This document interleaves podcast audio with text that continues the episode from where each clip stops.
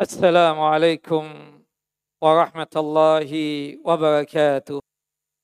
إن الحمد لله نحمده ونستعينه ونستغفره ونعوذ بالله من شرور أنفسنا ومن سيئات أعمالنا. من يهدل الله فلا مضل له ومن يضلل فلا هادي له. أشهد أن لا إله إلا الله وحده لا شريك له وأشهد أن محمدا عبده ورسوله. ولقد قال الله تعالى في القرآن العظيم يا أيها الذين آمنوا اتقوا الله حق تقاته ولا تموتن إلا وأنتم مسلمون. وبعد وبسخل صدري ويسر لي أمري. wahlul 'uqdatam min lisani yafqahu qawli. Allahumma anfa'na bima 'allamtana wa 'allimna ma yanfa'una wa zidna 'ilma. Allahumma inna na'udzu bika min zawali ni'matika wa fuj'ati niqamatika wa tahawuli afiyatika wa jami'i sakhatika. Allahumma inna na'udzu bika min jahdil bala ودرك الشقاء وسوء القضاء والشماتة الأعداء. اللهم إنا نعوذ بك من عذاب جهنم ومن عذاب القبر ومن فتنة المحيا والممات ومن شر فتنة المسيح الدجال. إخواني وأخواتي في الدين أعاذني وأعزاكم الله. Bapak dan Ibu yang dimuliakan oleh Allahu Jalla wa Ala, Majlis Taklim, Masjid Babus Salam yang selalu dalam lindungan dan penjagaan Allahu Jalla Jalalu. Alhamdulillah, pada kesempatan kali ini, di hari Selasa pekan kelima, kita kembali bersua dan berjumpa untuk ta'amuk dan tafakuf din untuk memperdalam din Allah dan agama Allahu Jalla Jalalu. Dan ini adalah satu kenikmatan yang sangat luar biasa yang kita dapatkan.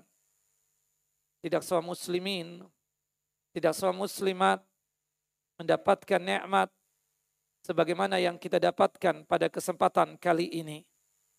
Doa kita dan harapan kita kepada Allahu Jalla Jalalu Semoga apa yang kita lakukan ini terhitung sebagai amal saleh kita dan terhitung sebagai mizan hasanat kita. Timbangan amal kebajikan kita ketika kelak terjadinya pengadilan Allahu Jalla wa Ala di padang mahsyar.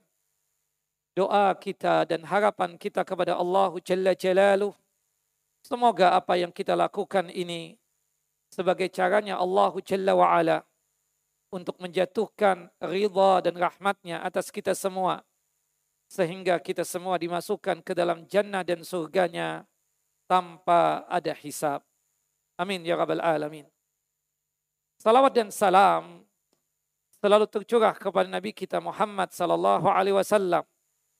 Nabi yang telah menyampaikan amanah Allah, Nabi yang telah mengajarkan kepada kita tentang iman dan Islam, sehingga kita bisa merasakan manisnya keimanan dan lezatnya keislaman. Bapak dan Ibu yang dimuliakan oleh Allahu Jalla Jalalu, insya Allah pada kesempatan kali ini kita akan membahas satu ayat yang termaktub dalam surah Hud, surah yang ke-11, ayat 15 sampai ayat 16. Ini berkaitan tentang seseorang melakukan amal soleh, tapi tujuan dia melakukan amal soleh tersebut tidak lain untuk menggapai dunia, untuk mendapatkan perhiasan-perhiasan dunia ini. Seseorang melakukan amalan akhirat untuk mendapatkan dunia. Kita bacakan ayatnya. Mangkana yuridul hayata dunya wa zinataha. Barang siapa yang menghendaki kehidupan dunia dan perhiasannya nuwaffi ilaihim a'malahum fiha wa hum fiha la yubkhasun pasti kami berikan balasan penuh atas pekerjaan mereka di dunia dengan sempurna dan mereka di dunia ini tidak akan dirugikan Kemudian pada ayat yang ke-16-nya Allah Jalla wa ala melanjutkan. Tapi di akhirat kelak itu dianggap batil oleh Allah Jalla wa ala. Ulaika alladhina laysa lahum fil akhirati illa an-nar wa habita ma sana'u fiha wa batilun ma kanu ya'malun. Itulah orang-orang yang tidak memperoleh sesuatu apa pun di akhirat kelak kecuali neraka dan sia-sialah di sana apa yang telah mereka usahakan di dunia. Dan terhapuskanlah apa yang telah mereka kerjakan. Ayat ini kata Al-Hafidh Ibnu Kathir rahimahullah rahmatan wasi'ah. Itu pada dasarnya ditujukan kepada orang-orang kafir. Namun kata beliau rahimahullah rahmatan wasi'ah ini pun mencakup kepada keumuman hamba termasuk yang muslim termasuk yang mukmin yang beriman kepada Allah Jalla wa ala sehingga bisa kita artikan barang siapa yang murni untuk mencari dunia dari amalan akhirat yang dia kerjakan dari amal soleh yang dia kerjakan maka dia tersebut tidak mendapatkan apa yang seharusnya berkaitan dengan pahala dan hasanat yang datang dari Allah Jalla Jalaluh. Sehingga barang siapa yang murni mencari dunia dengan amal solehnya, maka dia telah berakhlak atau bersikap dengan sikapnya dan akhlaknya orang-orang kafir. Dan dia akan mendapatkan dunia tersebut, namun di akhirat kelak dia tidak mendapatkan apa-apa. Amalannya dianggap batil oleh Allah Jalla Jalaluh. Amalannya dianggap sia-sia oleh Allah Jalla wa'ala. Dan perlu dicermati bahwa sahabat yang mulia Abdullah ibnu Abbas radhiyallahu anhuma menyebutkan bahwa memahami ayat tadi yang termaktub dalam surah Hud ayat 15 dan 16 ayat ini harus disertai pemahaman terhadap ayat yang lain yang termaktub dalam surah Al-Isra, surah yang ke-17, ayat 18. Surah ke-17, ayat 18. Yang di mana Allah Jalla Jalalu berfirman, Man kana yuridul ajilata ajalna lahu fiha ma nasha'u liman nurid. Thumma ja'alna lahu jahannama yaslaha mazmuman madhura. Barang siapa yang menghendaki kehidupan sekarang ini, yaitu kehidupan dunia, maka kami segerakan baginya di dunia. Dan apa yang kami kehendaki bagi orang yang kami kehendaki tadi. Kemudian kami sediakan baginya di akhirat neraka jahanam. Dia akan memasukinya dalam keadaan tercela lagi terusir Subhanallah kata sahabat Abdullah ibnu Abbas, tidak semua orang yang beramal soleh untuk mencari dunia akan mendapatkan dunia itu. Akan tetapi Allah Jalla Jalaluh bisa jadi, bisa saja memberikan dunia kepada siapa yang dia kehendaki. Nah bagaimana dengan apa yang dilakukan oleh sebagian kita? Melakukan amalan akhirat itu tidak lain berkaitan tentang ibadah sholat, zakat, sedekah. Kemudian berkaitan dengan ibadah umrah, ibadah haji, puasa, dan lain sebagainya. Tapi mereka melakukan itu tersisip niat dalam kolbunya, dalam hatinya. Ingin mendapatkan dunia. Ingin mendapatkan perhiasan-perhiasan dunia. Pernik-pernik dunia. Kalau kita melihat dari komentarnya para ulama berkaitan tentang masalah ini. perlu diketahui bahwa keinginan seseorang terhadap dunia itu terbagi menjadi dua keadaan. Atau anggaplah dua macam. Yang pertama, seseorang melakukan amalan akhirat atau amal soleh, dia tersebut mengharapkan pujian dari manusia. Itu yang sering disebut dengan istilah apa? Ria atau sum'ah. Itu keadaan yang pertama. Dia beramal soleh, dia sholat, dia haji, dia umrah, dia baca Quran, dan lain sebagainya. Niatan dia satu. Agar manusia memuji dia. Memuliakan dia, mengagungkan dia. Itu yang diistilahkan dengan istilah apa? Ria. Atau sum'ah. Atau keadaan yang kedua, seseorang melakukan amal soleh tadi, atau melakukan amalan-amalan akhirat, tujuannya bukan untuk tujuan dipuji. Tapi ingin mendapatkan dunia yang lain selain pujian manusia. Nah di sini kita bisa melihat ya berkaitan dengan pembahasan ini ya perlu kita pahami juga bahwa yang dilarang adalah beramal soleh atau amalan akhirat untuk mencari dunia, bukan berkaitan erat dengan amalan dunia untuk meraih dunia. Seperti kita misalnya, kita kerja. Ya, tujuannya untuk apa, Pak? Cari fulus kan? Kita bekerja, kita bisnis ini, kita dagang ini. Nah, itu bukan amalan akhirat. Itu amalan apa? Dunia. Tujuannya ingin mendapatkan apa? Dunia juga. Maka sepakat ulama, tidak mengapa yang demikian. Ya, kita dagang, kita bisnis, kita jual ini, kita jual itu. Kita bekerja dengan seseorang. Ya kan? Tujuannya memang untuk apa? Untuk dunia. Amal dunia ingin mendapatkan dunia. Ini tidak mengapa, bukan dari pembahasan dari ayat ini. Yang dibahas dari ayat ini secara khusus, seseorang melakukan amal soleh, seseorang melakukan amalan akhirat, ingin mendapatkan dunia entah pujian manusia atau bukan pujian manusia, tapi perhiasan-perhiasan atau pernik-pernik dunia yang lainnya. Nah, ini yang menjadi pembahasan kita ya, seperti itu. Ya, dan seharusnya ya seseorang yang cerdik, seseorang yang pandai, yang bisa menggunakan kecerdasannya ketika dia melakukan apa pun hendaknya dia tersebut apa? Memikirkan akhirat. Itu terlebih dahulu seperti itu. Nah, nah bagaimana hukum mencampur adukan niat ini? Ketika kita melaksanakan satu amalan atau satu ibadah. Di sini para ulama membagi dua macam atau dua hal berikut ini. Pertama, pembahasannya. Ya, catat Pak. Ibu-ibu juga jangan tidur. Yang pertama adalah hukum mencampur adukan niat.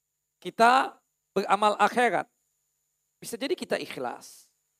Tapi tahu-tahu tercampur dengan amalan apa? Dunia atau tujuan dunia. Ini dikomentari oleh para ulama itu terbagi menjadi dua macam. Yang pertama, mencampurkan niat ikhlas dengan niat amal soleh yang lainnya dalam satu amalan. Mencampurkan niat ikhlas dengan niat amal soleh yang lainnya dalam satu amalan. Jadi dia beramal nih. Misalnya anak jadi imam. Insya Allah ikhlas untuk jadi imam. Subhanallah ada dari antum terlambat. Dan anak tersebut paham, mengerti. Ya. Kemudian anak tambah amal soleh yang lainnya. Anak panjangkan ruku anak. Tujuannya untuk apa? Menunggu antum yang terlambat tersebut. Agar antum tersebut sholatnya sempurna sebagaimana anak. Jelas ya? Seperti misalnya. Suaminya kebetulan sholat di rumah. Karena hujan lebat suaminya ngajak istrinya untuk berjamaah sholat bersama. Subhanallah. Akhirnya suaminya melaksanakan ibadah sholat. Jadi imam. Kadar Allah ketika dalam perjalanan melaksanakan sholat tersebut, baru di rakaat yang pertama, istrinya batal wudhu. Buang angin misalnya. Kemudian istrinya tersebut masuk ke kamar mandi. Dia bilang, Pah, tunggu ya. Jangan sampai aku kehilangan satu rakaat. Dia ngomong sendirian begitu. Suaminya lagi sholat. Ini misalnya aja ya untuk supaya memudahkan pemahaman kita yang pertama ini. Suami kan sayang banget sama istrinya, kan seperti itu. Hatta masalah rakaat sholat, dia nggak ingin istrinya tuh ada missing dan ada masbuk. Akhirnya dia tetap sholat, entah dia panjangkan bacaan surahnya, atau dia lamakan rukunya. Tujuannya untuk apa? Menunggu istrinya agar jangan sampai dia tersebut terlambat untuk apa? Melaksanakan ibadah sholat. Atau ada yang masbuk, ada yang missing. Nah dalam hal ini ini hukumnya boleh. Tidak mengapa yang demikian. Mencampurkan niat ikhlas dalam satu amalan, kemudian ditambah dengan niat amal soleh yang lainnya dalam satu amalan yang sama tadi. Disebutkan oleh Al-Imam Izzuddin Abdul Aziz bin Abdissalam dalam kitab Qawaid Al-Ahkam fil Masalih Al-Anam, beliau mencontohkan sebagaimana yang saya ungkapkan tadi. Seorang imam sholat memperpanjang rukunya agar makmum yang masbuk bisa mendapatkan satu rakaat dari dia. Nah ini adalah contoh seseorang mencampurkan niat amal soleh dalam satu amalan di mana imam tersebut ikhlas dalam rukunya pastinya. Akan tetapi dia memiliki niat yang lain dan lama ruku tersebut agar orang yang terlambat mendapatkan rakaat tersebut. Dan hukum orang yang melakukan niatan yang bercampur seperti ini, apa Bapak? Boleh atau tidak boleh? Boleh. Dan itu dicontohkan oleh seorang sahabat Nabi. Ada seorang sahabat Nabi namanya Malik bin Huwairis. Ya, beliau tersebut mencontohkan sholat Nabi SAW. Dia masuk di suatu masjid di Syam Ya Syam itu empat negara sekarang Palestina, Yordania, Syria dan Lebanon. Kemudian dia masuk sekedar sholat. Dia kumpulkan orang-orang. Dia mempraktekkan sholat. Niatan dia untuk apa? Supaya orang memahami sholat yang dilakukan oleh Nabi Sallallahu Alaihi Wasallam. Dikatakan oleh beliau, oleh sahabat yang mulia Malik bin Huwairis, ini la usalliya bikum wa ma uridu salata Demi Allah, sebenarnya aku tidaklah berniatan mengerjakan salat bersama kalian. Walakinni uridu an uriyakum kaifa ra'aitu Rasulullah sallallahu alaihi wasallam yusalli. Tetapi aku mempraktekkan salat tadi di hadapan kalian, aku hendak memperlihatkan dan menunjukkan kepada kalian tata cara Rasulullah SAW ya melaksanakan ibadah salat yang aku saksikan. Hadis sahih dikeluarkan oleh Al-Imam Abu Daud dalam kitab sunannya pada nomor hadis 842. Kita lihat sahabat yang mulia Malik bin Huwairis itu mencampur niatkan sholat karena Allah. Dia sholat karena Allah. Tapi sekaligus apa? Dia niatkan apa? Untuk pembelajaran. Buat siapa? Buat murid-muridnya yang berada di belakang dia. Ya, seperti seorang ustadz lah. Ya, anak sholat misalnya. Antum di belakang anak. Nah yang di belakang anak itu kan pasti memperhatikan sholatnya anak. Dari takbiratul ihram sampai salam. Subhanallah, anak niatkan sholat yang anak lakukan ikhlas karena Allah. Tapi sekaligus anak ingin antum itu paham sholat sebagaimana yang dilakukan oleh Rasulullah. Itu niatan anak yang kedua, yang bercampur tadi. Niat yang pertama ikhlas karena Allah. Yang kedua, ana niatan kuat untuk ya mempraktekkan salat sebagaimana yang dituntunkan oleh Nabi Shallallahu Alaihi Wasallam. Nah, contoh ini ya tidak mengapa yang demikian. Itu bagian yang pertama, mencampurkan niat ikhlas dengan niat amal saleh atau dengan niat amal akhirat yang lainnya dalam satu amalan. Jelas ibu-ibu? Contoh lain ya ketika Nabi Shallallahu alaihi wasallam mendapati seseorang sahabat yang terlambat datang ke masjid. Kemudian sholat sendirian. Lalu Nabi SAW mengatakan apa? Ala rajulun yatasaddaq ala hada wa yusalli ma'ahu. Dari kalian, wahai sahabatku, ada enggak yang mau bersedekah kepada sahabat kita yang satu ini? Yang terlambat ini. Dengan mengerjakan sholat bersamanya.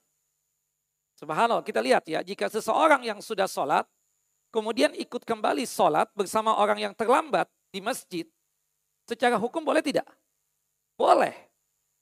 Karena ada alasannya. Alasannya itu adalah agar sahabat kita yang terlambat tadi tetap mendapatkan pahala jamaah. Maka dia sholat karena Allah.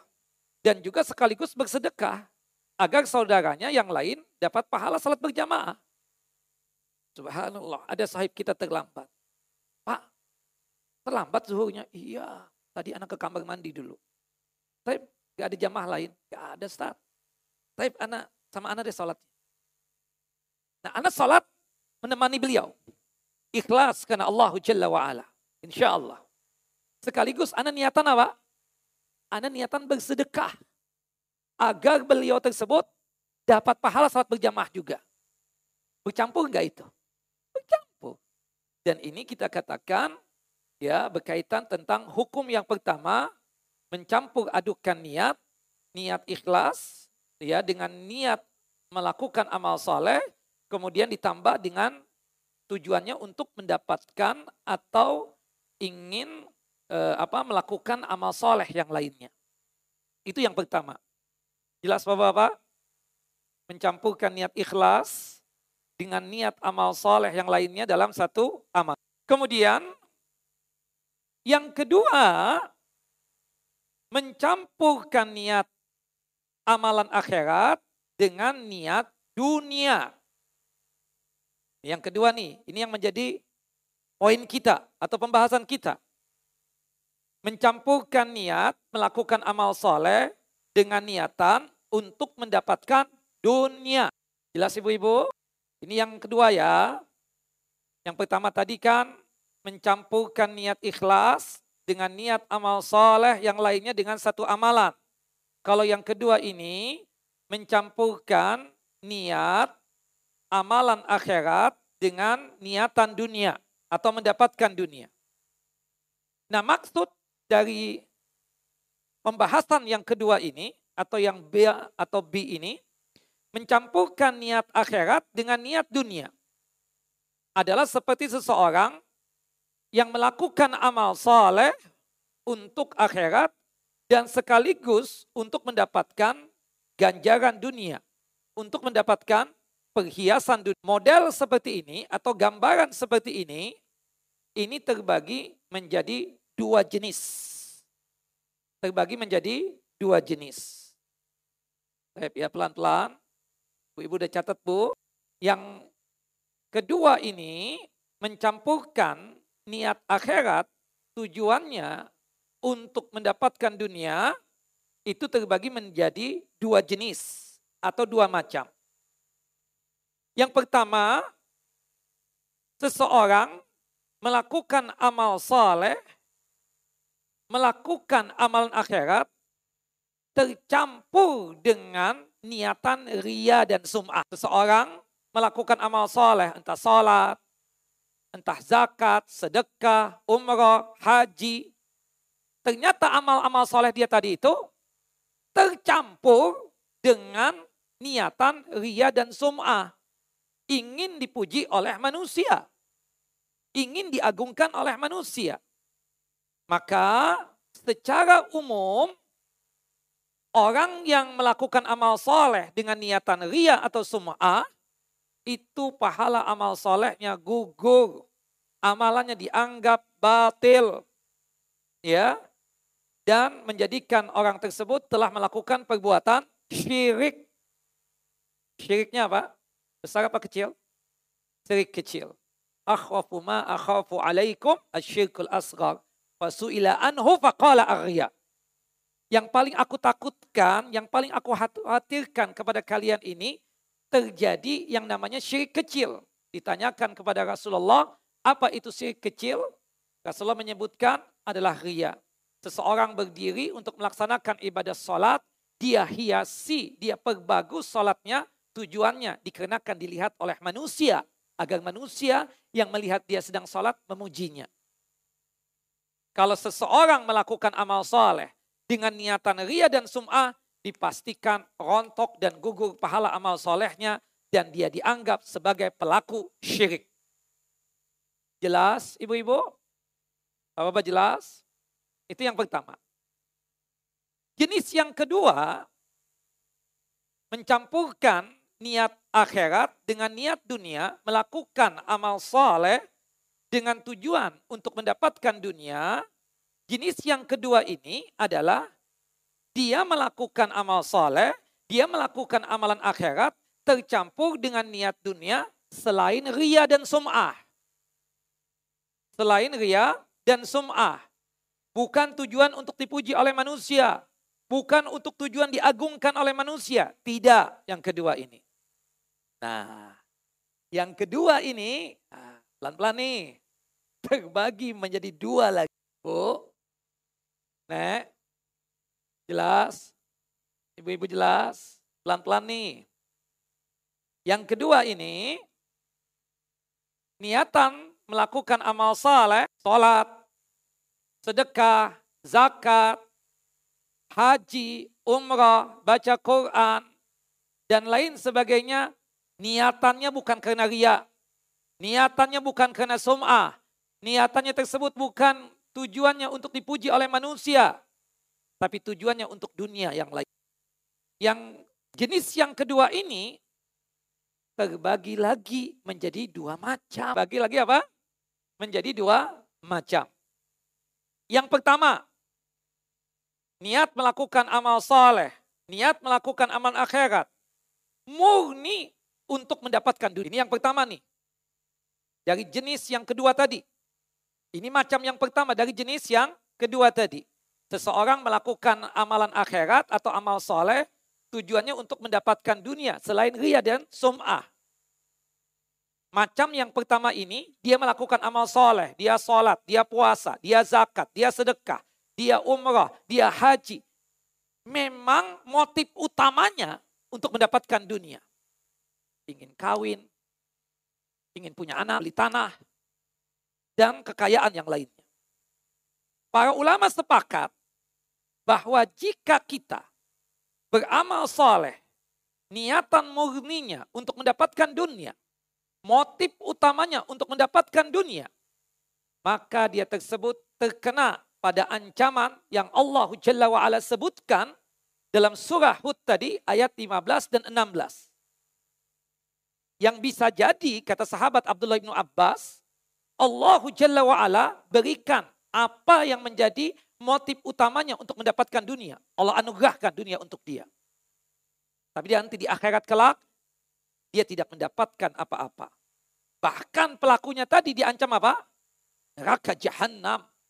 Amalan yang dia kerjakan, sholat, sedekah, zakat, puasa, haji, umrah, korban, dan lain sebagainya, dianggap batal oleh Allah Jalla wa'ala. Bahkan pelakunya dianggap melakukan perbuatan syirik. Syiriknya besar apa kecil? Kecil juga. Jelas ya motif utama. Seperti misal kita katakan, tumben nih Pak, umroh. Iya Ustaz, 10 tahun sudah enggak. Hah? Jadi motif utamanya antum ingin punya anak. Tujuan utamanya anak nih. Iya. Ini kan motif utamanya jelas. Murni. Ingin mendapatkan apa? Dunia. Artinya kalau sekiranya antum sudah punya anak, kayaknya enggak umroh antum. Bukan begitu Pak? Ya. Nah jadi sepertinya seperti itu. Atau antum sakit. Allah kan ada hadis tuh. Ya. Da'au maghdakum bisadaqat. Obati orang-orang sakit yang ada di antara kalian dengan bersedekah. Ikhlas karena Allah Jalla wa'ala. Tapi ternyata ketika antum sakit, motif utamanya bagaimana caranya supaya antum tersebut apa? bisa hilang penyakit. Jadi bersedekahnya nggak ikhlas lagi. Yang penting sembuh aja dulu deh. Nah kalau seandainya motif utamanya seperti ini, ya bukan karena keikhlasan dalam beramal dan beribadah, maka dia tersebut kita katakan ya mendapatkan ancaman sebagaimana yang Allah Jalla wa ala firmankan dalam surah Hud surah yang ke-11 ayat 15 dan 16 tadi itu. Seperti contoh, seseorang belajar ilmu din, ilmu agama. Ibadah bukan, amalan soleh bukan, amalan akhirat bukan, tapi tujuan dia belajar sampai belajar di Madinah. Ya, di bangku kuliah, S1, S2, S3 dia lewati. Subhanallah, namun ternyata orang tersebut niatannya sejak awal masuk untuk belajar din dan agama di universitas tersebut tujuannya untuk mendapatkan dunia, mendapatkan pekerjaan, mendapatkan uang dan lain sebagainya. Kan tersohor itu. Kenapa Bu masukin anak di Babu Salam? Enak saat jadi ustadz sekarang. Seharinya berapa itu? Jadi ibu-ibu punya kalkulator sendiri. Kita dapat sekian, sekian, sekian. Belum kali kalau dipanggil-panggil itu. Belum lagi kalau keluar kota. Belum lagi kalau, aduh sudah. Jadi motif utama ibu memasukkan anak ke Babu Salam ini untuk tujuan dunia. Of course Ustaz. Iya. Kalau seperti itu, berarti dia tersebut telah melakukan apa? Syirik kecil. Dan terkena ancaman sebagaimana yang Allah katakan dalam surah Hud ayat 15 dan 16 tadi. Karena yang dia pikirkan dunia, dunia, dunia, dunia saja. Seperti itu. Allah Itu yang pertama. Nah ada yang kedua, jenis yang kedua nih. Boleh nih. Jenis yang kedua. Niatan melakukan amalan akhirat tercampur dengan dunia Bukan motif utamanya dunia. Dia melakukan amal soleh ikhlas karena Allah. Dia sholat ikhlas. Sholat duha tadi ikhlas karena Allah. Dia puasa. Senin kemis ikhlas karena Allah. Ya, tapi tercampur dengan tujuan dunia. Pernah nggak Bapak Ibu merasakan begitu? Pernah kan? Pastilah pernah. Tercampur nih. Sholat duha rajin banget nih. Iya, karena ingin ini. Ada dong, tapi dia ikhlas karena Allah sholatnya. Nah bagaimana tentang kondisi orang seperti ini? Beda dong dengan yang pertama tadi. Jenis yang pertama tadi itu, motif utamanya itu adalah memang dunia. Ikhlasnya nggak ada itu. Dia sekolah ya karena dunia, ingin mendapatkan dunia. Tapi yang kedua ini, kita katakan dia melakukan amal soleh, ikhlas lillahi ta'ala, tapi dalam perjalanan melakukan amal soleh tersebut tercampur dengan target pun terbagi menjadi dua macam lagi. Pelan-pelan nih Bu, kecepatan enggak Bu? Pak, kecepatan Pak? Enggak ya, lambat banget. Bismillah. Yang pertama, jika dia melakukan amal soleh, niatan ikhlas karena Allah, kemudian tercampur dengan perkara dunia yang di mana perkara dunia tersebut dimotivasi di apa disipiritin, disemangatin, dimotivi, di apa dimotivasi oleh syariat Islam, maka tidak mengapa. Jadi pelan-pelan nih. Jika kita melakukan amal soleh, ikhlas karena Allah Jalla wa'ala. Misalnya kita salat duha. Ikhlas karena Allah Jalla Jalla. Kita tahu dong, Salah satu dari keutamaan salat duha itu apa? Dimudahkan apa? Rizki. Salat duha ikhlas karena Allah. Dua rakaat, empat rakaat, enam rakaat, delapan rakaat. Ikhlas. Dan subhanallah ketika dia salat duha dengan ikhlas tadi itu, timbul niatan ingin mendapatkan dunia.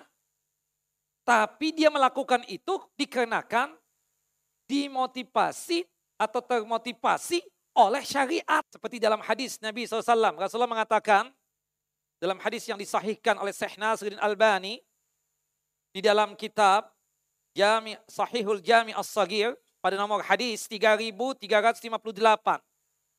Qala Rasulullah sallallahu alaihi wasallam Rasulullah sallallahu alaihi wasallam bersabda, "Dawu mardakum bisadaqah." Sembuhkanlah orang-orang sakit di antara kalian dengan sedekah. Oke ya? Ibu sakit. Subhanallah sakit. Kunjungi oleh ustazah atau oleh teman-temannya. Kemudian temannya ngomong, Aduh, aku kayaknya gak tahu nih. Mungkin isyarat dari Allah Allah ingin mewafatkan aku. Temannya bilang, eh jangan putus asa begitu. Terus ikhtiar, usaha. Tawakalkan urusan kepada Allah. Kemudian ada yang nasihat. Cobalah, anti ini sedekah. Cobalah anti ini apa? Sedekah. Mudah-mudahan sebab sedekah tersebut, Allah mengangkat penyakitmu. Oke ya? Akhirnya dia bersedekah. Ketika awal sedekah, ikhlas. Kemudian kan tercampur tuh pasti dengan niat apa? Dengan dunia. Ingin apa? Ingin sembuh. Maka tidak mengapa yang demikian. Wallahu alam bisawab. Jelas ya? Ini yang dikatakan oleh para ulama. Contoh lagi. Ya. Rasulullah SAW mengatakan dalam satu hadis yang sahih. Hadis yang dikeluarkan oleh Al-Imam Al-Bukhari dalam kitab sahih beliau pada nomor hadis 5986 dan hadis dikeluarkan oleh Imam Muslim dalam kitab sahih beliau pada nomor hadis 2557. Qala Rasulullah sallallahu alaihi wasallam Rasulullah sallallahu alaihi wasallam bersabda, "Man ahabba an yubsatalahu fi rizqihi wa yunsa'alahu fi atharihi falyasil rahimahu." Barang siapa yang ingin dilapangkan rizkinya. Dan barang siapa yang ingin dipanjangkan umurnya. Maka hendaknya dia melakukan amalan apa? Silaturahim. Memperkuat tali silaturahim. Menyambung tali kekerabat. Silaturahim, amal soleh bukan? Soleh. Amalan akhirat bukan? Akhirat. Ibadah kita kepada Allah bukan? Ibadah. Kita melakukan amal akhirat. Ikhlas karena Allah kita datang ke om kita, ke tante kita, ke abang kita, ke adik kita, ke saudara kita, ke orang tua kita pasti. Ikhlas karena Allah Jalla wa'ala. Gak ada unsur keterpaksaan. Tapi sambil sambil kita dengan rajin silaturahim ini, Allah memudahkan rizki anak. Allah memanjangkan umur anak. Bolehkah seperti itu? Boleh, tidak mengapa. Kenapa? Dia melakukan amalan akhirat, ikhlas karena Allah. Kemudian tercampur dengan tujuan dunia. Tapi tujuan dunia tadi termotivasi oleh siapa? Oleh syariat. Memperbanyak harta, panjang umur, merupakan perkara duniawi. Bukan begitu? Akan tetapi ternyata syariat memotivasi seseorang untuk meraihnya. Dengan amal soleh. Berupa apa? Amalan silaturahim. Maka dari itu mencampurkan niat silaturahim karena Allah dengan niatan agar dilapangkan rizki dan panjang umur merupakan hal yang dibolehkan. Jelas ibu-ibu? Termasuk misal di dalam surah At-Talaq, surah ke-65, ayat 2 dan 3. Allah Jalla wa'ala mengatakan, وَمَنْ يَتَّقِ اللَّهَ يَجْعَلْ لَهُ مَخْرَجًا wa yarzuqhu min haitsu la yahtasib. Barang siapa yang bertakwa kepada Allah, apapun masalah yang dia dapatkan, apapun muskilah yang dia sedang ya dapatkan, maka Allah Jalla wa ala akan keluarkan dia dari masalah yang dia hadapi atau muskilah yang sedang dia hadapi. Dan barang siapa yang bertakwa kepada Allah, Allah Jalla wa'ala akan memberikan rizki kepada dia dari arah yang tidak disangka-sangka Allah. Bu, jodoh termasuk rizki bukan? Oke. Ibu busana muslimah ini niatan ikhlas kan? Ikhlas. Bukan kena paksaan suami kan? Awalnya begitu Ustaz. Tapi dalam perjalanan waktu aku ikhlas memakai pakaian ini. Oke, okay, nggak ada masalah. Yang penting sekarang ikhlas. Karena Allah Jalla wa'ala. Tidak terpaksa. Nah, termasuk perempuan-perempuan yang bercadar ya. Ikhlas kan? ikhlas karena Allah Jalla wa'ala. Bukan karena yang lainnya. Subhanallah, ketika dia memakai busana muslimah tadi, ikhlas karena Allah, itu bagian amal soleh tidak? Bagian takwanya dia kepada Allah tidak? Takwanya Allah. Kemudian dia tersebut sisipkan. Ingin mendapatkan dunia. Yaitu apa? Supaya mudah. Iya kan? Bukan begitu? Sudah lama menjanda. Kemudian dia menguatkan. Pakai jilbab ini niat karena Allah Jalla wa'ala. Kemudian disisipkan niat. Mudah-mudahan ada yang mau. Dunia tidak bu? Dunia. Boleh nggak begitu? Boleh. Karena pakai hijab itu adalah bagian bertakwanya dia kepada Allah. Dan saya yakin ibu-ibu pakai jilbab itu ikhlas karena Allah. Termasuk juga. Seseorang kan namanya hidup ya Bapak Ibu. Siapa yang nggak ada masalah Bu? Pak. Siapa yang nggak ada muskilah dalam kehidupan ini? Semua ada masalah. Seperti itu. Jangan disangka orang senyum-senyum itu nggak ada masalah. Ada Pak. Selama kita hidup di dunia ini pasti ada masalah. Nggak mungkin nggak ada masalah. Ya kan? Sering curhat sama Ustadz. Ustadz kayaknya nggak ada masalah. Siapa bilang? Kita ini ada masalah. Cuma ngapain mau ditampakkan ke antum Bapak Ibu. Nggak bisa bantu juga kan begitu. Kita menyerahkan sama Allah Jalla wa'ala. Kemudian berhubung kita ada masalah. Kita bangun di sepertiga malam terakhir. Waktu paling abdolnya melaksanakan salat tahajud qiyamul lail. Dia tahajud qiyamul lail ikhlas karena Allah. Kemudian tujuan dia tahajud qiyamul lail tadi ya yang ikhlas tadi itu kemudian disisipi bercampur dengan keinginan agar keluar dari masalah yang dihadapi. Boleh tidak? Boleh. Kenapa? Karena ada spirit, ada motivasi dari firman Allah Jalla wa'ala dalam surah At-Talaq tadi, ayat yang kedua. Wa may yattaqillaha yaj'al lahu makhraja. Yang bertakwa, Bang, siapa yang bertakwa kepada Allah? Termasuk dia qiyamul lail, tahajud. Itu bagian takwa. Dia ikhlas melaksanakan tahajud. Tujuan dia untuk keluar dari masalah. Kemudian untuk mendapatkan rizki, dimudahkan, nikmat. Dia tahajudnya ikhlas karena Allah Jalla Jalla. Mudah-mudahan dengan dia melaksanakan salat tahajud tadi, yang kemudian dia niatkan agar dia tersebut mudah rizkinya, maka itu tidak mengapa yang demikian. Ya, dia salat malam agar masalahnya tersebut hilang, maka hal itu tidak mengapa karena Allah Jalla wa sendiri yang mengatakan bahwa orang yang akan ber, apa bang siapa orang yang bertakwa, bang siapa yang bertakwa kepada Allah, maka Allah Jalla wa ala akan memberikan jalan keluar untuknya. Contoh lagi di zaman Nabi. Ada satu hadis Nabi SAW. Hadis yang dikeluarkan oleh Al-Imam Al-Bukhari dalam kitab sahih beliau. Pada nomor hadis 3142. Jihad di jalan Allah Jalla wa'ala. Berperang di jalan Allah Jalla wa'ala. Itu amal soleh bukan? Ibadah bukan? Ibadah. Amalan akhirat bukan? Amalan akhirat. Ternyata Nabi Muhammad SAW mengizinkan para sahabat Ridwan Allah ajmain ketika dia tersebut berjihad lillahi ta'ala kemudian disisipi dengan niatan untuk mendapatkan dunia. Ah, buktinya apa Rasul menyuruh? Kita lihat dari hadis yang dikeluarkan oleh Al-Imam Al-Bukhari dalam kitab sahih beliau pada nomor hadis 3142. Qala Rasulullah sallallahu alaihi wasallam. Rasulullah SAW bersabda, Man qatala qatilan lahu alaihi bayyinatun falahu salabuhu.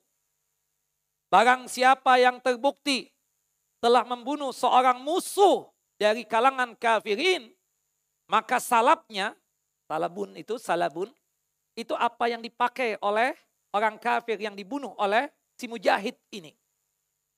Kebetulan dia pakai kalung emas, dia kebetulan pakai gelang emas, dia kebetulan pakai baju besi, dia kebetulan pakai yang berkaitan dengan manfaat-manfaat dunia. Rasulullah mengatakan di dalam peperangan tersebut, barang siapa yang terbukti telah membunuh seorang musuh, maka salapnya apa yang ada pada orang yang dia bunuh tadi itu berkaitan dengan musuhnya dari kalangan kafirin tadi menjadi baju besi Dunia bukan? Dunia. Apa yang ada di tubuhnya itu berkaitan dengan pakaian yang bagus, mungkin ada perhiasan dan seterusnya. Yang diistilahkan dengan istilah gonimah itu, dunia tidak? Dunia. Dan Rasulullah membolehkan. Mendapatkan gonimah, harta rampasan perang, adalah hal duniawi. Akan tetapi ternyata syariat ini memberikan semangat, spirit, memotivasi seseorang melalui apa? Jihad fisabilillah.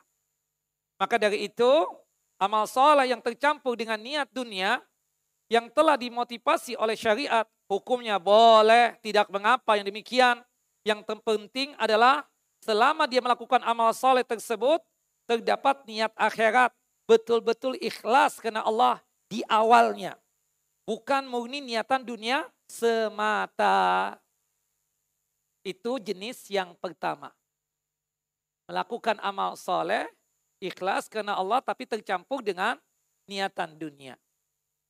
Bagian jenis yang pertama. Nah, jenis yang pertama ini boleh dikarenakan ada motivasi, ada spirit dari syariah. Dari Al-Quran ataupun hadis Nabi Jenis yang pertama ini jelas Bapak Ibu? Yang kedua, jika perkara dunia yang dituju ternyata tidak ada motivasi dari syariat.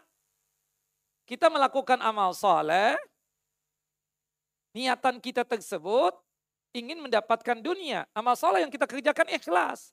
Bercampur dengan apa? Dengan niatan untuk mendapatkan dunia. Tapi perintah dari Quran ataupun hadis untuk mendapatkan itu dunia tidak. Beda dengan tadi orang sakit, bersedekahlah kalian. Ada kan? Motivasi, ada spirit dari syariat. Kalau ini enggak. Contoh apa? Subhanallah. Seseorang melakukan amal soleh ingin punya anak. Ingin ya eh, berkaitan dengan cepat jodoh. Atau yang lainnya. Kan enggak ada spirit dari apa? Dari syariat ini. Nah dalam hal ini ulama untuk yang kedua ini jika Seseorang melakukan amal saleh, ikhlas, dia kemudian tercampur dengan perkara dunia, tetapi ya perkara dunia yang dia inginkan tadi tidak dimotivasi oleh syariat, apakah hal ini dibolehkan sama dengan yang pertama tadi? Para ulama terbagi menjadi tiga pendapat. Untuk yang jenis yang kedua ini. Jika tidak ada motivasi dari syariat. Maksud tidak ada motivasi dari syariat itu apa? Tidak ada dalil yang menjelaskan. Kalau tadi kan bang siapa yang berjihad di jalan Allah, kemudian dia bisa membunuh musuh, maka dia akan mendapatkan apa-apa yang ada pada musuh tadi itu kan. Nah itu kan spirit dari apa? Dari syariah seperti itu. Ini enggak ada. Kayak misalnya tadi kan seseorang ingin cepat jodoh, ingin cepat punya anak, ingin cepat laku tanah, ingin cepat laku rumah, kan enggak ada spirit dari syariat, ya kan? Kan antum kadang nanya, apa saat tanah anak di depan Babu Salam gak laku-laku? Mana ya? Gimana? Apa amalannya? Kan biasa tuh Ustadz ditanya amalan-amalan kan? Seperti itu. Nah, gimana? Nah, kalau seseorang melakukan amal soleh ikhlas bercampur dengan dunia, tapi perkara dunia yang dia ingin tuju tadi itu tidak ada spirit, tidak ada motivasi dari syariat, ulama terbagi menjadi tiga pendapat. Pendapat yang pertama, pendapat mayoritas ulama mengatakan bahwa jika niat akhirat yang lebih dominan, maka tetap dia mendapatkan pahala. Tapi jika niatan dunia yang lebih dominan, maka dia tidak mendapatkan pahala apa-apa. Amalannya batal. Bahkan dia berdosa. Ini menurut apa? Mayoritas ulama. Harus ada apa? Ya harus dido, apa didominasi oleh apa? Amalan akhirat. Ikhlasnya lebih tinggi ketimbang apa? Perkara dunianya tadi. Nah, jadi intinya kalau misalnya lebih dominan niatan akhirat gak apa-apa menurut mayoritas ulama. Tapi kalau yang lebih dominan itu adalah dunianya, gak boleh seperti itu. Ini mayoritas ulama. Pendapat yang kedua mengatakan selama seseorang mencampurkan antara niatan amal soleh dengan niatan dunia, maka amalan tersebut tetap tertolak. gugur. Apa pun, gak ada penjabaran apa-apa. Yang jelas dia niat melakukan amalan akhirat, meskipun di sisi keikhlasan, tapi dia tersebut ingin mencari dunia, dan ternyata tidak ada motivasi dari syariat, tidak ada spirit dari Al-Quran dan Sunnah, maka amalannya tertolak. Amalannya apa? Yang ketiga, pendapat yang ketiga, Al-Imam Al-Qarafi. Al-Imam Al-Qarafi ini dari kalangan madhab maliki. Seorang alim, seorang imam dari kalangan madhab maliki. Di dalam kitab beliau Al-Furuq, ya, dalam kitab beliau Al-Furuq, beliau menyebutkan bahwa tidak mengapa suatu amalan soleh, satu amalan akhirat yang dia ikhlas mengerjakan tercampur dengan niatan dunia meskipun tidak ada motivasi dari syariat. Ya, sehingga amalan tersebut tetap apa? berpahala. Beliau menganalogikan, meng, mengiaskan, mengkiaskan masalah ini dengan masalah boleh niatan dunia tercampur dengan niatan akhirat dikarenakan ada spirit, ada motivasi syariat. Ini lebih lebih lebih detail lagi ya. Kita kan kajian hampir setiap hari. Tapi setiap kali ada kajian, ada yang jualan kan? Jujur Pak, ada yang jualan gak? Bu, ada seorang ikhwan yang pergi pengajian sekaligus dia tersebut kena duda kali ya atau enggak laku-laku, ingin cari jodoh juga. Ada kan? Pak jujur ada enggak? Sekalian deh udah. Ada Pak ya? Duda waktu itu ya, ada waktu itu. Nah, subhanallah. Dia datang ke kajian, tapi sambil lirik sana, lirik sini. Oke, termasuk tadi seseorang datang ke kajian di depan masjid, kan dibolehkan di depan masjid, bukan di halamannya kan, bukan di dalam masjid. Jualan. Gimana nih? Gak ada tuh spirit dari apa? Dari syariat gak ada. Mayoritas ulama mengatakan apa? Kalau niatan mengajinya lebih dominan, maka nggak apa-apa. Tapi kalau yang lebih dominannya, cari jodohnya, nggak boleh. Itu menurut apa? Mayoritas ulama. Kalau pendapat yang kedua, pendapatnya Al-Imam Ibnu Hazam dalam kitab Al-Muhalla, ya, beliau mengatakan ya pada kitab beliau jilid yang kedua halaman 94 tidak boleh mau dominan pengajiannya, mau dominan jualannya, mau dominan cari jodohnya, enggak boleh gugur tetap. Karena enggak ada spirit dari apa? Dari saya. Kalau pendapat yang ketiga, pendapat dari sebagian ulama dari kalangan madhab maliki. Enggak ada dalil yang menjelaskan. Ya, kalau kita misalnya melakukan satu amal soleh, kemudian bercampur dengan niatan dunia, seperti seseorang kekajian, ingin niatan untuk mendapatkan jodoh, atau dia kekajian, niatan sambil jualan, maka tidak mengapa yang demikian. Karena mereka itu menganalogikan apa yang disebutkan pada jenis yang pertama tadi. Seseorang melakukan amal soleh, ikhlas, kemudian tercampur dengan ingin mendapatkan dunia. Yang di mana perkara dunianya itu ada motivasi dari apa?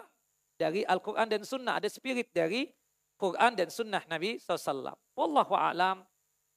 Dari tiga pendapat ini, saya lebih condong kepada pendapat yang ketiga. Oke okay, Pak, antum datang ke kajian aja Pak. Kali-kali ada jodohnya nanti ya. It's okay, nggak ada masalah. Udah kan antum kan nganggur juga, udah sambil jualan. Ya ada, Alhamdulillah kita buka ya uh, berkaitan dengan tan ya yang mau jual Kan seperti itu kan? Kan itu dilakukan oleh ustadz-ustadz kita kan, bikin pameran itu. Ya enggak? Soalnya enggak ada kajian kan? Sekaligus ada jualan enggak? Pak kok enggak berani ngomong? Ini sesuatu yang baik-baik aja. Bukan muskilah. Ada kajian, kita buka bazar. Bukan begitu? Bu jujur bu, ada enggak yang begitu? Dia jelas dong, kalau di bazar itu jelas Ya niat kajiannya ada, bikin kajiannya ada, itu akhiratnya. Tapi sekaligus dong buka bazar. Sayang nih Ustadz dari kondang nih ya kan. Kapan lagi? Ya seperti itu kan. Itu kan omongan ibu-ibu kadang. Ah, Ustadz ini nih dari kondang nih datang. Kita buka bazar ya? Boleh. Tapi memang ada tiga pendapat tadi kan seperti itu. Wallahu a'lam. Taib. Kita lihat komentarnya Syekh Islam Ibnu Taimiyah rahimahullah rahmatan wasi'ah. Kata Syekh Islam Ibn Taimiyah, rahimahullah rahmatan wasi'ah, beliau mengatakan begini. Beliau memiliki perincian yang sangat bagus sekali dalam masalah yang kita utarakan tadi berkaitan dengan jenis yang kedua. Seseorang punya niatan untuk melakukan amal soleh, ikhlas, dia beramal soleh, kemudian tercampur dengan perkara dunia yang itu tidak termotivasi oleh syariat. Ya tidak ada spirit dari Quran ataupun sunnah. Kata beliau begini. Beliau membawakan masalah ini ketika membahas tentang orang yang badal haji dan badal umrah. Jujur, badal haji, badal umrah. Kalau abah kita yang kita badalkan, kalau umi kita yang kita badalkan, nggak pakai fulus. Bukan begitu? Tapi antum, saat badalin, anak badalin. Pasti ada amplop dong yang diterima. Kecuali anda dekat banget sama antum. Enggak, enggak, enggak, enggak usah. Enggak usah pak. Kelas. Oke, baik. Sampai ada yang berani kan. Haji, 10 ribu ya. Hah? Umrah 3 ribu. Bukan begitu? Nah, saya Islam itu menyinggung nih masalah yang seperti ini. Bahkan sih, meskipun boleh misalnya, tapi risih. Ya, dikirim di grup WhatsAppnya ibu-ibu. Umrah sekian, badal-badal. Aduh, risih. Meskipun itu boleh misalnya. ya tapi kuat untuk bicaranya kan seperti itu. Tapi kita lihat komentarnya saya Islam Ibn Taimiyah rahimahullah. Beliau menyebutkan bahwa beliau mengatakan ini ada dua kondisi, ada dua kondisi, dua keadaan berkaitan dengan orang yang badal haji atau badal umrah. Yang pertama, seseorang beramal soleh untuk mendapatkan dunia. Contoh seseorang yang menjadikan badal atas haji orang lain. Namun dia memilih-milih untuk mencari harga yang tertinggi yang bisa dia dapatkan dari orang yang ingin dia badalkan haji tadi. Ya, akan tetapi kita katakan bahwa hal yang semacam ini tidak baik bagi seorang muslim. Tiga orang, lima orang nih. Sama anak aja Ustaz. Sama anak aja Ustaz. Subhanallah. Pak, tentang Pak ya. Anak merenung dulu. Merenung nih. Beliau nawarkan 10 ribu. Yang si B nawarkan 7 ribu. Si Sim nawarkan 5 ribu. Kemudian yang lainnya di bawah bahasa kita merenung dulu ya. Kemudian pasti dong sama dengannya. Oke okay ya. Subhanallah, meskipun itu boleh, tetapi, tetapi sekali lagi, ini tidak baik bagi seorang muslim, apalagi dia ustaz. Jelas ya, Allahu Akbar. Tidak pantas bagi seorang muslim untuk menjadikan amal salehnya sebagai sarana untuk mencari dunia. Apalagi kajian ya kan. Eh, uh, ya kan. Oh situ bagus tuh. Baik. Nih hati nggak bisa bohong kadang. Bukan begitu Bapak Ibu. Aduh bahaya nih benar jadi ustadz ini. Astagfirullah, astagfirullahaladzim, astagfirullahaladzim, astagfirullahaladzim. Meskipun itu boleh misalnya, Kayak gimana ya, yang empat orang tadi, ah mata duitan tuh Ustadz. Bukan begitu? Allahu Akbar. Sesuai dengan kebutuhan lah. Kalau haji memang masa antum kasih seribu rial doang. Jelas nggak cukup lah, tapi Ustadz kan nggak enak hati untuk ngomong. Kayak aduh lisan ini susah untuk ngomong. Yang sewajarnya lah, kan seperti itu. Tapi kalau untuk minta, nehi, abadan enggak. Never ever, enggak bakalan. Muslim kita, apalagi kita ustaz. Gak mungkin udah ngomong. Seram, seram nih dunia. Makanya doakan ustadz-ustadz kita ikhlas dan istiqamah. Jadi ustadz berat cobaannya. Gak bisa kaya sedikit. Pinginnya kawin cepat lagi. Pinginnya ini dapat ini dapat itu. Allah cobaannya berat jadi ustadz. Enak jadi anak. Jadi murid paling enak. Makin terkenal Uh, semakin fitnah-fitnah lebih besar. Itu yang pertama kata Syekh Islam Taimiyah rahimahullah rahmatan wasi'ah. Yang kedua, seseorang melakukan amal soleh untuk mencari dunia ya atau seseorang sebaliknya. Ini sebaliknya. Tadi kan seseorang beramal soleh untuk mendapatkan dunia. Seperti badal haji tadi itu. Jelas menghajikan ada fulusnya di situ. Jelas itu. Kalau yang kedua ini, seseorang mencari dunia untuk beramal soleh. Anak nggak punya travel, beliau yang punya travel. Tapi anak kepingin banget untuk berangkat haji dan umrah. Ustaz mau berangkat nggak haji? Mau pak, mau. Anak tahun ini ingin berangkat. Tapi saat anak ngasih sekian, nggak apa-apa. Inti nggak kasih nggak apa-apa. Yang penting anak bisa berangkat. Tapi diongkosin. Nah. Ada kan yang begitu? Iya. Seperti seseorang yang sudah pernah berhaji, akan tetapi dia kemudian ingin haji lagi. Atau ingin umroh lagi. Tapi kan kadang terkendala oleh ongkos dan biaya. Dia ingin agar bisa kembali ke tanah suci. Ingin agar bisa melihat Baitullah. Ingin bisa tawaf, ingin bisa sa'i, dan lain sebagainya yang berkaitan dengan manasik haji. Maka dia kemudian menerima haji badal agar bisa pergi ke tanah suci. Ke apa-apa, anak badalkan. Berapa? Terserah. Yang penting anak bisa berangkat. Ongkosnya terserah. Anak nggak bicara ongkos. Yang penting satu. Anak ya melakukan amalan dunia ini untuk beramal soleh, untuk menggapai akhirat. Nah jika seseorang dalam kondisi yang kedua ini jelaslah boleh seperti itu. Kan kadang ditawarin. Uh, ya antum dokter kan, mau nggak ikut travel haji umrah? Iya, tapi maaf ya Pak ya, tapi nanti kita kasih tugas antum. Kalau ada jamaah kita yang sakit, tolong diperiksain ya. Gak apa-apa Ustaz, bismillah, anak ikut. Yang penting bisa haji deh. Karena anak nunggu lama banget nih. Sudah hampir 10 tahun belum ada panggilan apa-apa. Boleh seperti itu. Intinya, jika seseorang mengambil dunia secukupnya agar dia bisa beramal soleh, maka tidak mengapa. Bahkan itu adalah hal yang terpuji. Hal yang terpuji. Contoh lain dalam masalah ini seperti seorang imam sholat fardu, imam rawatib. Ada gajinya nggak ada upahnya? Ada. Ya kan? Karena imam juga manusia kan. Dia punya istri, dia punya anak. Dia ikhlas karena Allah Jalla wa'ala. Tapi dia nggak pernah minta, dia ngomong. Ya seperti itu. Dia nggak pernah ngomong sekian-sekian. Tapi yang sewajarnya dan secukupnya seperti itu. Nah kita sebagai DKM inilah yang paham. Jangan sampai tanya tuh, risih tuh kalau usah ditanya. Berapa tat? Aduh, pakai ditanya lagi. Antum jangan ngomong fulus sama anak ya. Subhanallah. Kan ada ustadz yang begitu. Jangan ngomong fulus sama anak. Sudah, udah, udah, udah, udah, udah. Nanti, nanti deh.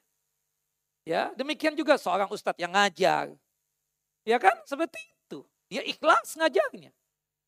Subhanallah, berapa kalau antum bayarkan dengan ilmu yang dia berikan, gak ada apa-apanya.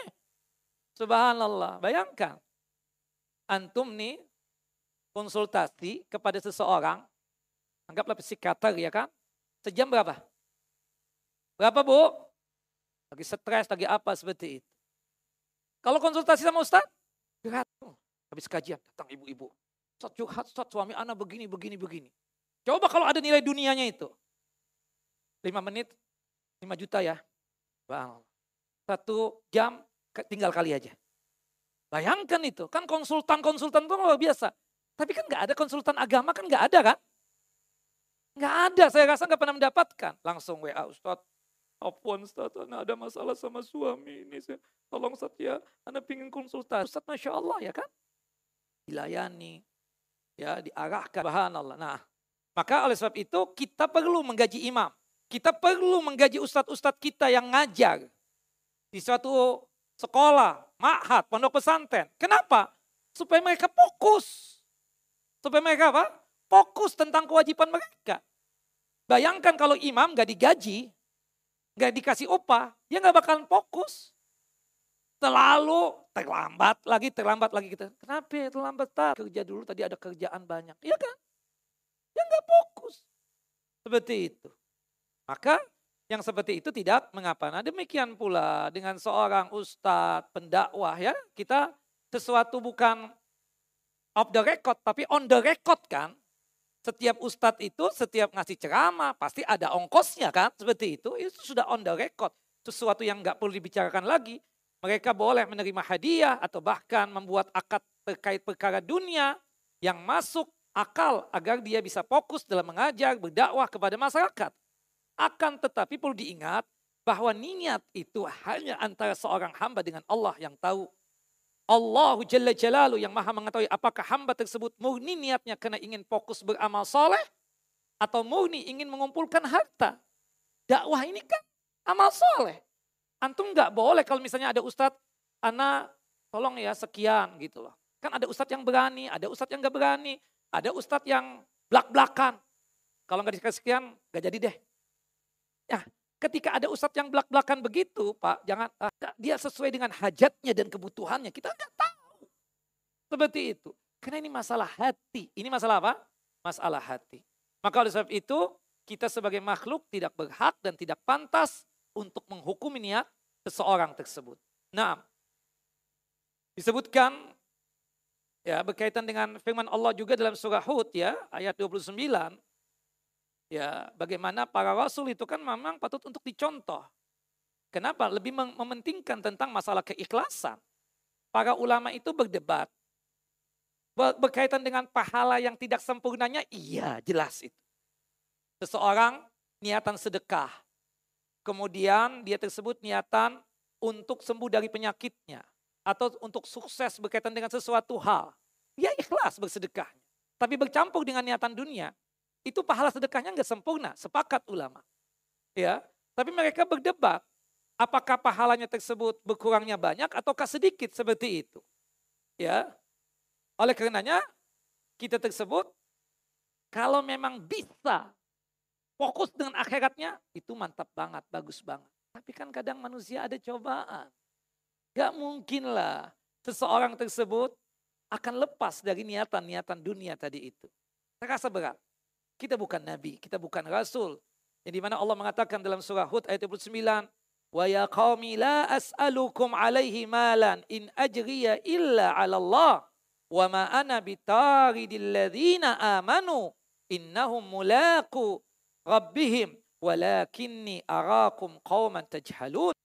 Dan wahai kaumku, aku tidak meminta harta kepada kalian sebagai imbalan atas dakwahku. Imbalanku hanyalah dari Allah dan aku sekali-kali tidak akan mengusir orang-orang yang telah dan aku sekali-kali tidak akan mengusir orang yang telah Di sini disebutkan di zaman kita sekarang ini kan kita mendapati ada sebagai dai, mubalik, yang punya bisnis travel. Bukan begitu? Banyak. Sampai kajian ditinggalkan kan seperti itu. Ya, menjadi pembimbing bahkan paling tidak termasuk yang ngomong kan seperti itu. Nah, cuma kan kita mengatur lah, jangan sampai mengganggu babu salam seperti itu ya. Nah, nah mengisi majelis ilmu juga dan menerima bayaran kan, kita akui itu sudah on the record, nggak perlu diomongkan lagi itu. Atau menerbitkan buku, dia mengarang buku dan kemudian dijual. Bukan begitu? Gak mungkin seorang ustadz menulis, kemudian dia bagi-bagikan dengan biaya sendiri. Rasa gak mungkin, kecuali kalau dia kaya, kaya, kaya raya. Duitnya kayak tisu, comot ada lagi, comot ada lagi. Mungkin seperti itu. Kalau toh dapat gratis misalnya, oh dari Ustadz Fulan misalnya. Pasti ada mohsininnya kan, seperti itu. Wallahu alam yang seperti itu, ya, wallahu alam ya. Seseorang yang sudah berbisnis untuk membantu umat, ya untuk berhaji berumrah seperti travel, kemudian menjadi pembimbing haji dan umrah, mengisi majelis ilmu, dan ternyata menerima bayaran, menerbitkan buku, kemudian bukunya dijual, semua itu tidak mengapa. Namun sekali lagi, perlu diperhatikan bahwa niat yang utama yang harus muncul dari lubuk hati yang paling dalam. Yang tepat dari sini adalah ikhlas, ikhlas, ikhlas karena Allah Jalla. Bukan untuk memperkaya diri. Bukan untuk apa? Memperkaya diri. Kalau sudah niatan untuk memperkaya diri, berat itu untuk menjalankan itu semua. Berat Allah. Karena Allah. Selama antum masih kosong, bismillah. Antum isi itu kajian. Selama antum misalnya mendapatkan izin dari apa tempat kerjaan antum untuk berangkat umroh sebagai pembimbing, bismillah sudah berangkat. Nah tentunya dapat upah, tentunya dapat ya bantuan, hadiah. Maka tidak mengapa untuk diterima. Termasuk kita berbisnis ya dengan travel kita atau dengan hal-hal yang lain kan seperti sekarang ini ada ustadz yang bisnis apa IO itu uh, event organizer untuk pengurusan wedding ya perkawinan is okay nggak ada masalah membantu orang untuk menjalankan sunnah gimana sih syariatnya perkawinan yang sesuai dengan tuntunan Nabi SAW. Babu Salam mudah-mudahan banyak banget nih yang mau menikahkan seperti itu.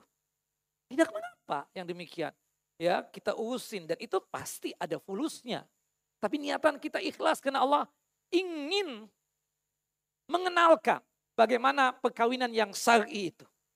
Ya, tidak hanya sekedar dipisah antara laki-laki dan perempuan, tapi dari tetek bengeknya, dari bawaan sampai akhir ya, akad nikah selesai sampai resepsinya juga kita urusi semuanya. Nah, itu kan ada apa? Ada wadahnya dan itu pasti ada kaitannya dengan dunia. Wallahu alam bisawab. Baik. Bapak dan Ibu yang dimuliakan oleh Allahu Jalla wa ala, kesimpulannya. Hukum mencampurkan niat berkaitan dengan amalan akhirat dengan amalan dunia. Secara umum terbagi menjadi dua. Yang pertama, niat melakukan amal akhirat tercampur dengan ria. Ini yang tidak boleh jelas dan ini syirik. Yang kedua, niat amalan akhirat tercampur dengan niatan dunia selain ria selain ria. Ini kita katakan terbagi menjadi dua jenis melakukan amal saleh niatannya untuk mendapatkan dunia tapi selain ria dan sum'ah. Itu terbagi menjadi dua. Yang pertama melakukan amal saleh, melakukan amal akhirat. Motif utamanya, tujuan utamanya memang dunia. Nah ini kita katakan jelas syirik itu terkena ancaman sebagaimana yang Allah ancamkan dalam surah Hud, surah yang ke-11 ayat 15 dan 16. Ada yang jenis yang kedua, niatan melakukan amal akhirat untuk tujuan dunia yang bukan ria, ya, itu terbagi menjadi dua macam. Jika dia melakukan amal soleh ikhlas, kemudian tercampur ingin mendapatkan dunia, tapi perkara dunia yang ingin dia dapatkan tadi dimotivasi oleh syariat, maka tidak mengapa yang demikian. Sedangkan yang kedua, melakukan amal saleh, ya ikhlas dia. Niatan karena Allah, tapi bercampur ingin mendapatkan dunia. Tapi tidak ada motivasi atau spirit dari syariat, dari Al-Quran ataupun sunnah. Itu ada tiga pendapat tadi. Pendapat yang raji yang benar, boleh juga yang demikian. Wallahu alam.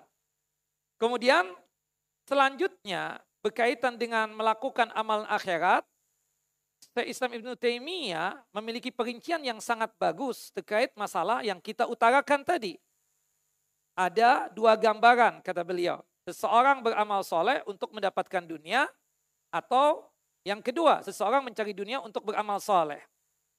Yang pertama boleh, tapi yang kedua itu lebih terpuji. Ya, seseorang beramal soleh untuk mendapatkan dunia seperti badal haji, badal umrah. Dia ya dia berangkat haji, tapi sekaligus dia mendapatkan uang. Tujuan dia tersebut beramal soleh haji dan umrah tadi itu untuk mendapatkan dunia. Ya. Kemudian seseorang mencari dunia untuk beramal soleh diajakin untuk umrah dan haji kan, meskipun dunianya sedikit. Ya, yang penting dia bisa haji lagi, yang penting dia bisa umrah lagi. Seperti itu. Wallahu alam bisawab. Ini kira yang berkaitan dengan firman Allah Jalla wa dalam surah Hud ayat 15 dan 16. Kesimpulannya kan ada yang boleh, ada yang tidak boleh. Berkaitan tentang melakukan amalan akhirat untuk mendapatkan dunia ya yang mana yang boleh sudah kita jelaskan. Yang mana yang tidak boleh juga sudah kita jelaskan. Wallahu alam. Jelas Bapak-bapak? Ibu-ibu jelas Bu? Oke ya. Kita masuk pada season yang kedua yaitu tanya jawab. Ustadz, saya seorang ibu yang baru kenal sunnah. Semua yang Allah perintahkan sudah saya kerjakan semampu saya. Dan larangan Allah yang Allah larangkan maksimal saya tinggalkan. Insya Allah. Semoga Allah mudahkan ya Ibu ya. Saya mau tanya nih Ustadz. Apakah dengan percaya mimpi itu satu kesyirikan? Soalnya apa yang saya mimpikan selalu benar-benar terjadi secara nyata. Mimpi itu kan buah tidur. Buah tidur itu akibat ya apa gangguan syaitan kadang. Gangguan syaitan.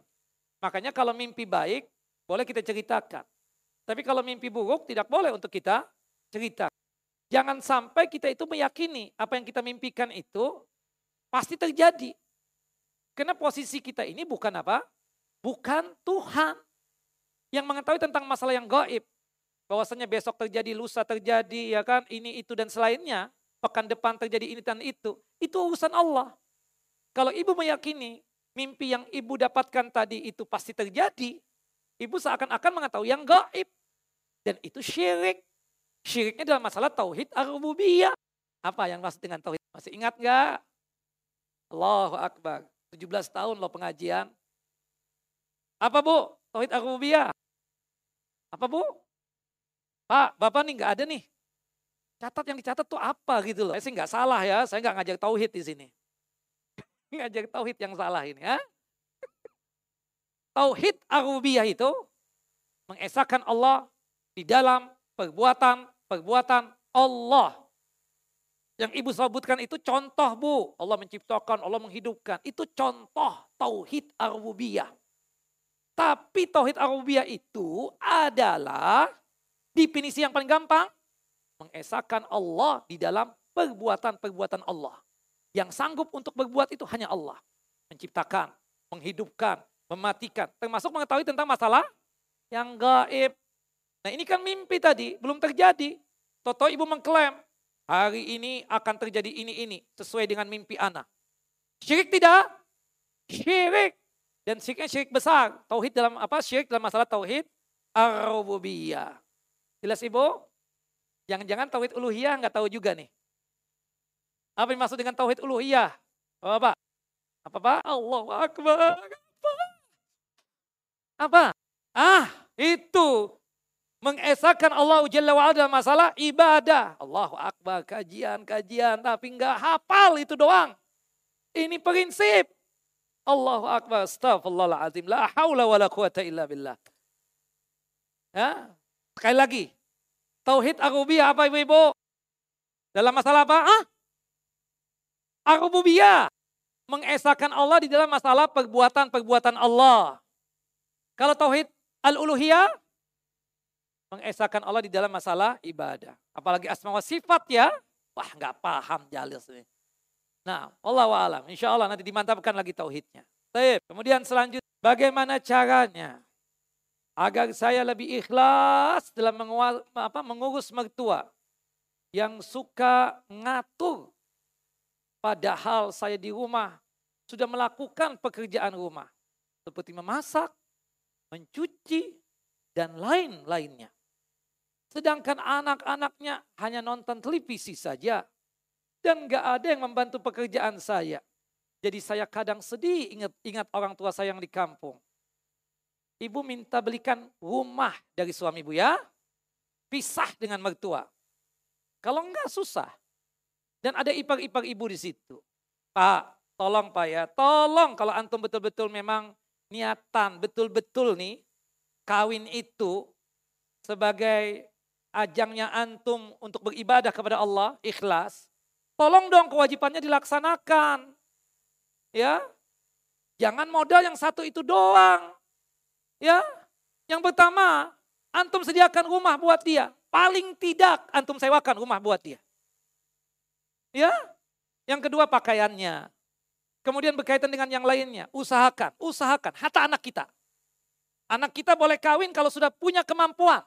Fisiknya ada insya Allah, finansialnya juga ada. Kalau kan gak mampu, nebeng sama mertua, apalagi di situ ada ipar-ipar, bahaya bu. Nah sekarang kan jadi begini nih, Subhanallah ya. Dan gak kata Umar bin Khattab ketika memberikan nasihat kepada para syabab. Wahai para syabab kalau kalian menikah tolong pisah dari rumah orang tua dan pisah dari rumah mertua. Dan tidak menyua. Aman. Kita bertengkar juga nggak ada yang tahu kan. Subhanallah kalau keluar tetap kita tuntun istri kita. Pencitraannya kan masih ada. Tapi kalau misalnya kita di tempat mertua kita, kita mau ngomelin istri kita juga sudah diketuk. Lu apain anak gue? Kan begitu nanti. Subhanallah. Udah deh. Jangan, anak kita kita didik juga begitu. Ini kan jadi sekolah begini nih. Mudah-mudahan suami ibu kaya bu ya, bisa beliin rumah. Paling tidak ya, uh, kita katakan nyawakan tempat lah ya. Nah ini kan jadi jealousnya ada, ngomel sama suami iya, dosanya numpuk-numpuk nih si istri ini. Iya kan? Sudah sama mertua begitu, sama ipar juga begitu. Di kamar suami, uh terus.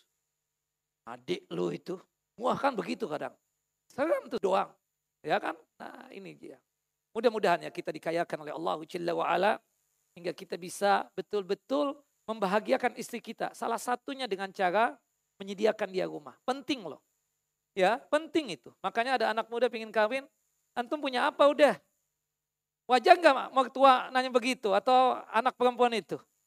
Gimana nanti setelah menikah? Tinggal di mana? Tinggal sama anak? Ah, enggak ya. Ujung-ujungnya jadi hadamah, jadi pembantu anak-anak di rumah antum. Tolong sediakan rumah. Kalau enggak kita sediakan. Kan kita sebagai laki-laki, misalnya kita anak perempuan, oke. Okay. Untuk mengikat mantu kita supaya jangan macam-macam. Ya, kita sediakan. Udah. Ananda tinggal, nih rumah kita banyak Alhamdulillah. Ada rumah sepuluh nggak. Pilih, iya dong. Buat apa tuh rumah banyak? Buat apa antum? Buat anak antum kan? Subhanallah, bakil banget sama anak. Tolong jagain anak anaknya. Betul-betul didik dia secara din, secara agama. Nah, jangan macam-macamin ya. Berani nggak tuh mantu macam-macam sama kita? Macam-macam kita ketok sama palu ujung-ujungnya. Itu kita ikat tuh dengan rantainya kapal itu, kita gembok tuh kuncinya kita buang tuh.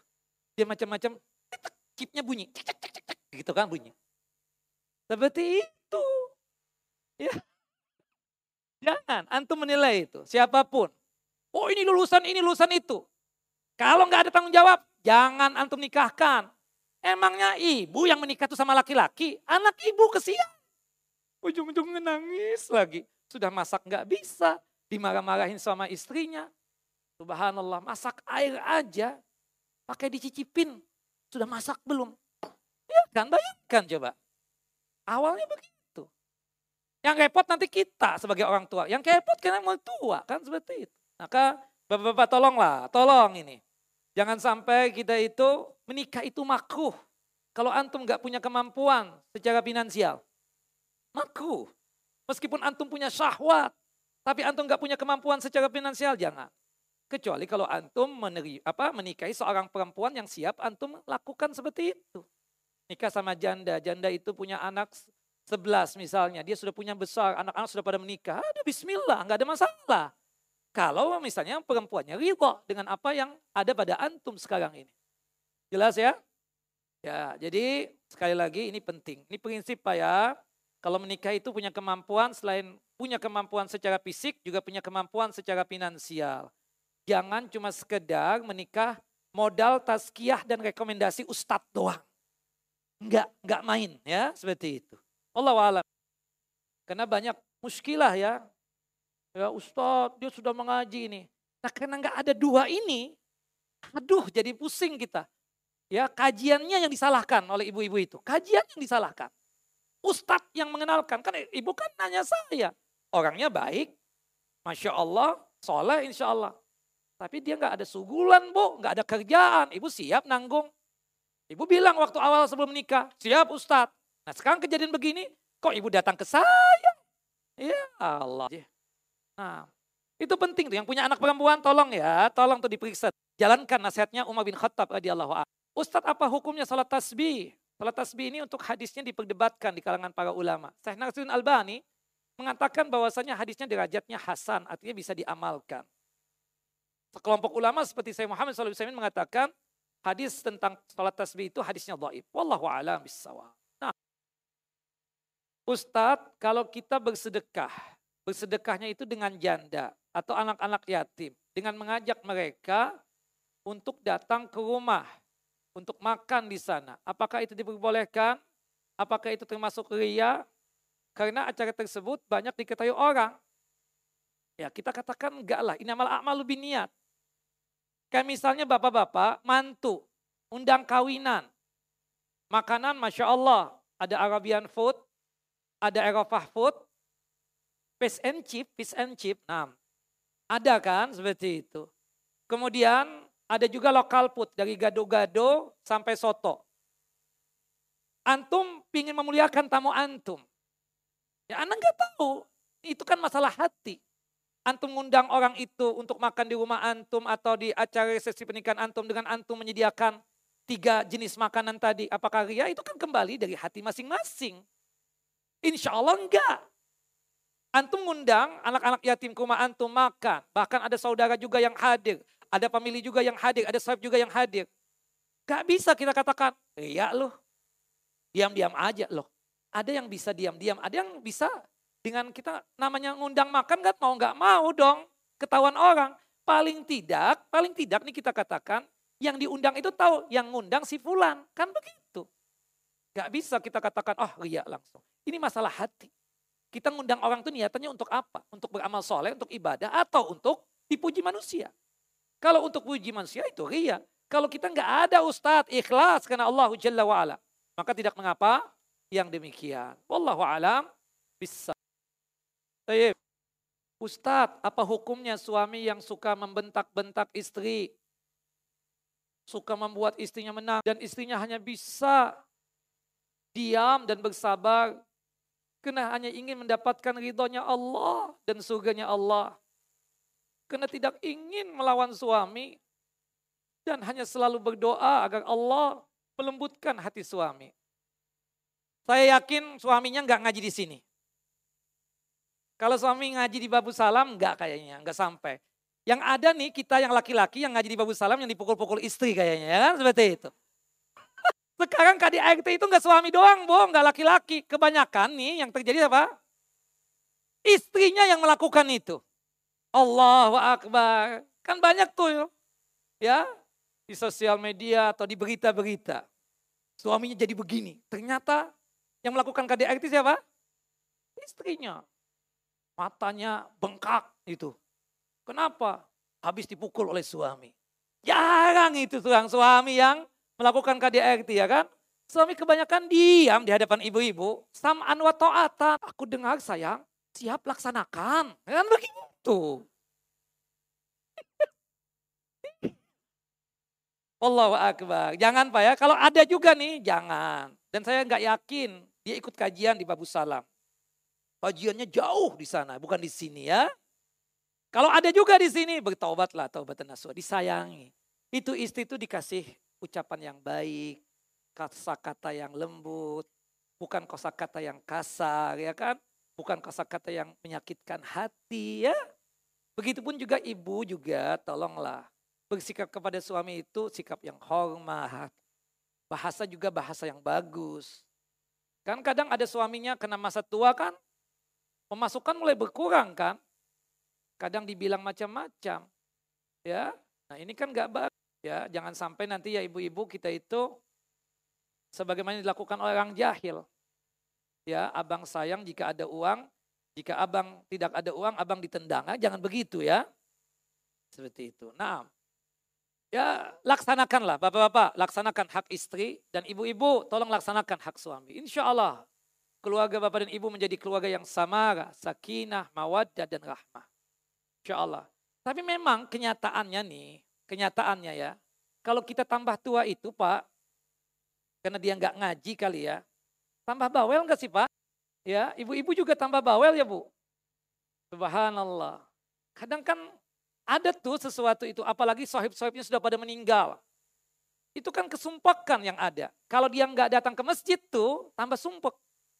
Makanya masa tua itu pas banget tuh untuk datang ke masjid karena bertemu dengan orang-orang ya kan di kajian ya banyak orang-orang yang baru dia kenal sedangkan teman-temannya waktu jadi ini kerja di sini sudah pada meninggal semuanya nah itu yang membuat kadang si suami tadi tuh bu menjadi apa ya kata orang bule itu intention seeker cari perhatian dia dia marah-marah ngomel-ngomel gak sabaran, ingin cari perhatian sama ibu sebenarnya itu. Allah alam bisawab. Ibu pun juga kan begitu. Bawel banget kadang. Suami sudah sudah sam'an wa ta'atan. Siap, my hat. Siap. Siap, aku dengar dan siap laksanakan. Kan seperti itu. Tapi baru keluar di telepon. Sudah belum beli? Yang, aku baru keluar nih yang. Oh iya. Subhanallah, jalan sebentar lagi. Baru 15 menit. Di telepon lagi. Sudah belum ke sana? Belum sampai, masih diangkot. Allahu Akbar. Akhirnya Suami jengkel bu, suami jengkel. Ibu Allah Akbar cukup sekali. Insya Allah dia paham bu. Enggak saat suami saya kan tell me start telat mikir dia. Kadang sering lupa. Astagfirullahaladzim. Menghina suami lagi. Ala kulihal. Ya. Suami jalankan hak istri. Istri jalankan hak suami. Insya Allah keluarga antum ya itu menjadi keluarga yang samara, sakinah, mawadah dan rahmah, kumpul di dunia dan kumpul di akhirat. Ya seperti itu. Mudah-mudahan tidak ada KDRT lagi. Ya, ibu jangan mukul suami lagi. Begitupun sebaliknya. Begitupun juga jangan KDRT berkaitan dengan lisan juga ya kan. Ini verbal ini lebih bahaya nih, lebih menyakitkan kadang kan seperti itu. Sudah tinggalkan juga. Nah, kembalikan kepada Allah ya. Masa tua begini nih jadi kakek nenek begini, isi waktu dengan kajian. Kan enak tuh. Sudah nenek-nenek sama kakek-kakek saling nuntun gitu kan.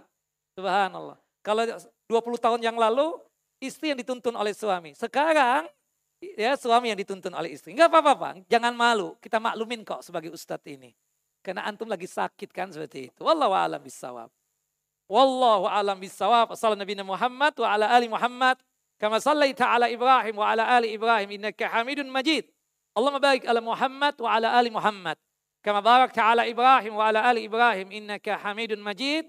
Wallahu muwafiq ila aqwamit tariq. Nasrun minallahi wa fathun qarib. Wa basyiril mu'minin.